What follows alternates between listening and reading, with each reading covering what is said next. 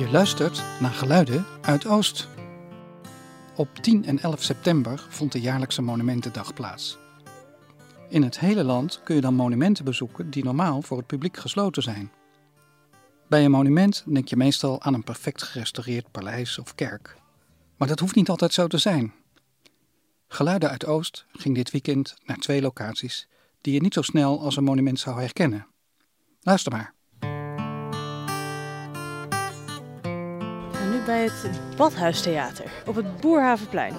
Ja, we zijn net uh, binnen gaan kijken in het theater en mijn uh, schoonmoeder heeft een beetje verteld hoe het hier, uh, wat het hier vroeger was. Dat ze vroeger zelf ook naar een badhuis ging. En wij gaan zo meteen eens even kijken wat we nou nog meer gaan doen, want ik vind dat altijd wel leuk, de Monumentendag. Ja, ik denk dat het heel, heel belangrijk is dat je ook een beetje weet hoe alles nou zo is geworden. Het is ook gewoon heel interessant om te zien hoe een badhuis nu ineens een theater is. En hoe dat verandert en dan toch nog zo'n plek vindt in de wijk. Ja, weet je, er zit zoveel geschiedenis in deze stad. Zonde als we dat vergeten. Amsterdamse school, prachtige Amsterdamse school. De, de gekrulde letters, het gebruik van veel meer relief. Ik zit nu even te kijken naar de manier hoe uh, uh, de bakstenen in een soort ja, golvende lijn zijn gemaakt. Prachtig, heel mooi gedaan. Ja heel interessant hoe met iets ruws als beton vervolgens zo'n golfleiding wordt gebracht. Vooral het gebruik van de rode letters vind ik altijd heel passend bij de, uh, bij de Amsterdamse school. Uh, je ziet dat het echt publieke werken, publieke uh, voorzieningen, niet alleen maar functioneel moesten zijn, maar ze moesten ook mooi zijn. Ze moesten mensen ook het aantrekkelijk maken om er langs te gaan. We spraken ook met de initiator en grote roerganger van het Badhuistheater. Ik ben Mike Manicardi, ik ben de artistieke leider van het Badhuistheater in, in Amsterdam-Oost. En het is gewoon superleuk. We hebben Monumentendag vandaag. En heel veel mensen zijn gekomen van verschillende leeftijden en van verschillende generaties. En uh, de badhuis die 100 jaar geleden hier gebouwd was, de geschiedenis van de laatste 100 jaar zit erin. De beginperiode um, was heel ro rooskleurig. De, de, Tweede Wereldoorlog was, was een heel zware periode hier in de Oosterparkbuurt. Which was een nieuwe Jodenbuurt. Zo so dit was ook een Joodse badhuis, moeten we wel zeggen, tot 42. En um, so die periode was zwaar.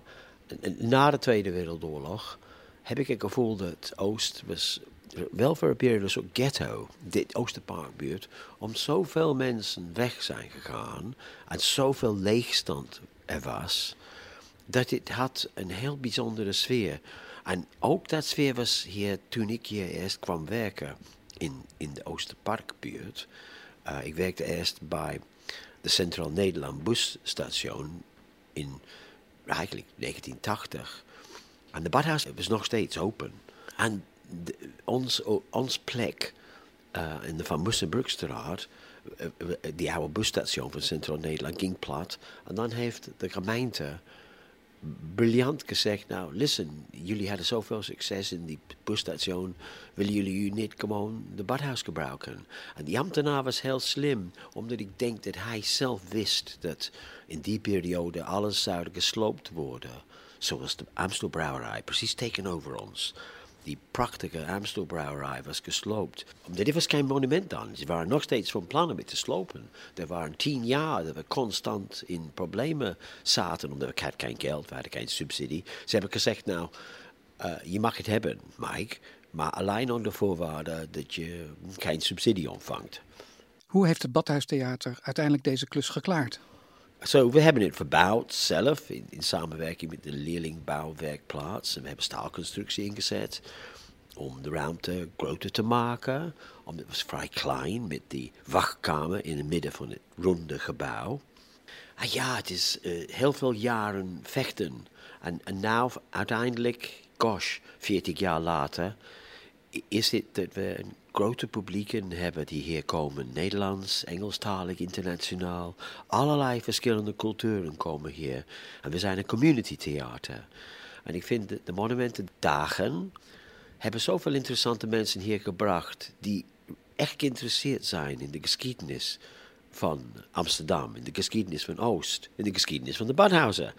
Wat je merkt is dat eigenlijk nu is een nieuwe periode. In, in de tachtige jaren wilden ze alles slopen. Maar, maar nu hebben mensen meer waardering voor, voor monumenten en voor gebouwen en wat is de culturele geschiedenis van de wijk enzovoort enzovoort. Ik, uh, ik denk dat het heel belangrijk is om te, te zien waar de stad uh, vandaan is gekomen. Wethouder Miranda samen met Wieboud hebben zij geweldige dingen voor de stad gedaan. En ja, als historicus zeg ik ook altijd, je kan pas begrijpen waar we nu staan als je ook begrijpt dat wij op de schouders van anderen staan en kunnen voortbouwen. We fietsten van het Boerhavenplein verder oostwaarts.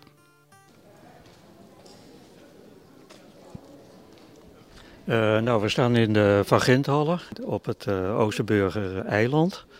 Een heel groot industrieel project geweest. En ik ben zelf heel erg geïnteresseerd in uh, ja, dat soort grote gebouwen en wat daar allemaal vroeger heeft plaatsgevonden. Ik heb de ruwbouwconstructie uh, bekeken, hoe, uh, ja, hoe dat allemaal vroeger geweest is. En ja, hoe, hoe groot dat allemaal geweest is. Want dat kan je, daar heb je gewoon geen voorstellingsvermogen bij. Hier word je zeker stil van. Indrukwekkend. Het is uh, een groot complex die uh, ja, naar een nieuwe bestemming zoekt. Nieuwe bestemming is volgens mij gevonden, toch? Ja. Min of meer of niet? Ja. Of heb ik het mis? Volgens mij wordt het veel te mooi. Het wordt veel te glad en strak en uh, jammer. Ja, zoals ik het gezien heb. Ik kom hier heel vaak en je mag nooit naar binnen. Daar hebben we wel een paar keer een concertje gehad. Dat was heel erg leuk. We ontmoeten ook een tweetal voormalige werknemers bij Werkspoor.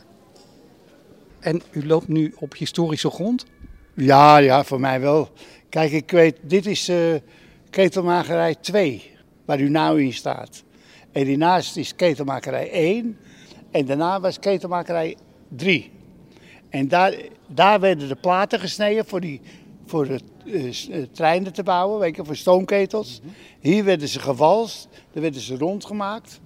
En in ketelmakerij 3, daar werden ze uh, gelast. Weet je, dat ze dichtgelast werden. En zo, zo maakten we stoomketels vroeger. Want ik liep veel door die fabriek hoor. Want ik was overal nieuwsgierig naar wat ze allemaal flikten. Het, het gebouw is heel indrukwekkend als je hem zo ziet. Nou, dat vindt u. Maar ik weet niet beter. Ja. Kijk, dit was die grote ketelmakerij. Ja. Dus die dingen moesten opgetild worden en die moesten naar buiten gereden worden. En daar stond een tre treinwagon, weet je wel, een, een, een platte kar van de, van de treinen. En daar werd het opgelegd en dan ging hij naar de volgende hal. En zo ging het ook, want hier aan de buitenkant van het gebouw was ook een hele treinrails. En die ging daar dus, aan het eind van de Sint-Peterstraat, ging hij naar boven. En dan kwam hij op de spoorrails en zo ging de al die dingen gingen naar Utrecht. En in Utrecht, daar was ook een werkspoor. En daar werden die treinen in elkaar gezet. Dus hier was de voorbereiding. En in Utrecht werd die trein in elkaar gezet. Zo ging het. We staan in de Vergenthalle. Uh, vroeger was het uh, werkspoor. In het hele begin. Ik heb hier uh, ja, 30, 35 jaar gelopen. Ik herinner me nog wel dat ik in die kraan heen en weer aan het rijden was. En dat was helemaal vol stond het hier. Met werk. Helemaal vol. Het is leuk om dit te zien, maar ik vind het wel aan de andere kant heel triest uh, dat het er zo uh, slecht uitziet. Wel jammer. Het, uh, ik had verwacht dat het al veel sneller, of door de gemeente of een, of een grote kapitalist al opgeknapt zou worden. Want ik, zie, ik zie hier geen toekomst denk ik in. Hoor. Het zijn mooie plaatjes aan de zijkant. Ik ben er al die tijd niet meer geweest. Dus ik had een mooier perspectief in mijn hoofd. In Noord ook, met de ADM en uh, hij noemt ze allemaal op, die kleinere bedrijven. Hier aan de kopse kant had je Wiener, ook een heel groot bedrijf. Nou, dat was ook in één keer was dat verdwenen. Ja, het is wel jammer dat die keus gemaakt is om toch over te schakelen op ICT. En uh, bewust ben ik nooit hier teruggegaan. Ik denk nou dat in het begin, toen hadden ze nog wel wat kunstenaars in de eerste hal. En toen dacht ik, nou ja, is leuk wel, al die kunstenaars erin. En uh, dan hebben ze die mooie foto's getekend en alles en uh, geïllustreerd. Maar dat, dat gaat het nooit worden.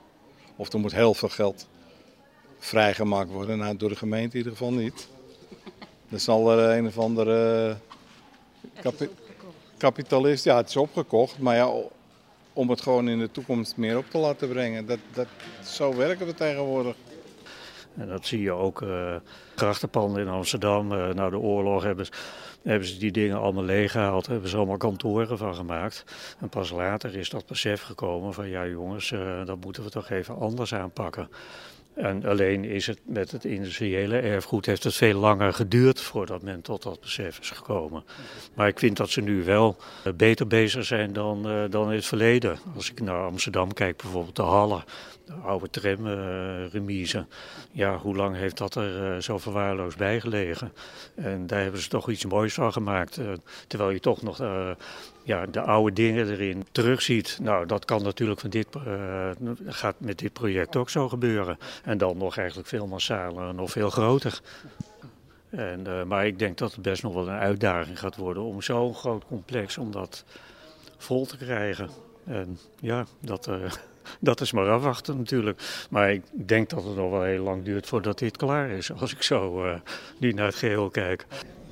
Ja, ja, dus het ziet er echt uit alsof het uh, voorlopig nog niet klaar is. Het is geen klein project. Hè? Nee, het is nee. erg groot. Is er een beetje bekend wanneer het klaar moet zijn?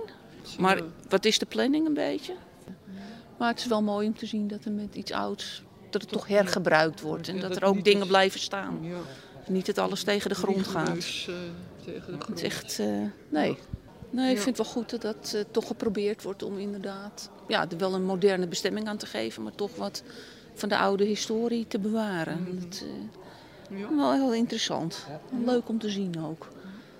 Ik weet vroeger, oom en tante van mij woonden hier op Witteburg. En ja, toen was eigenlijk alles vervallen. En als je nou ziet hoe het toch ja, allemaal is gaan leven, dat het weer opgeknapt is, is wel leuk hoor, vind ik. Het echt, uh, maar het is zo'n monumentendag is gewoon leuk, want ja, dan kom je eens bij dingen waar je anders nooit naartoe gaat natuurlijk. Dus vandaag deze ook uitgekozen om te kijken. Dus. Nou, ik zou zeggen, veel plezier en succes met alles.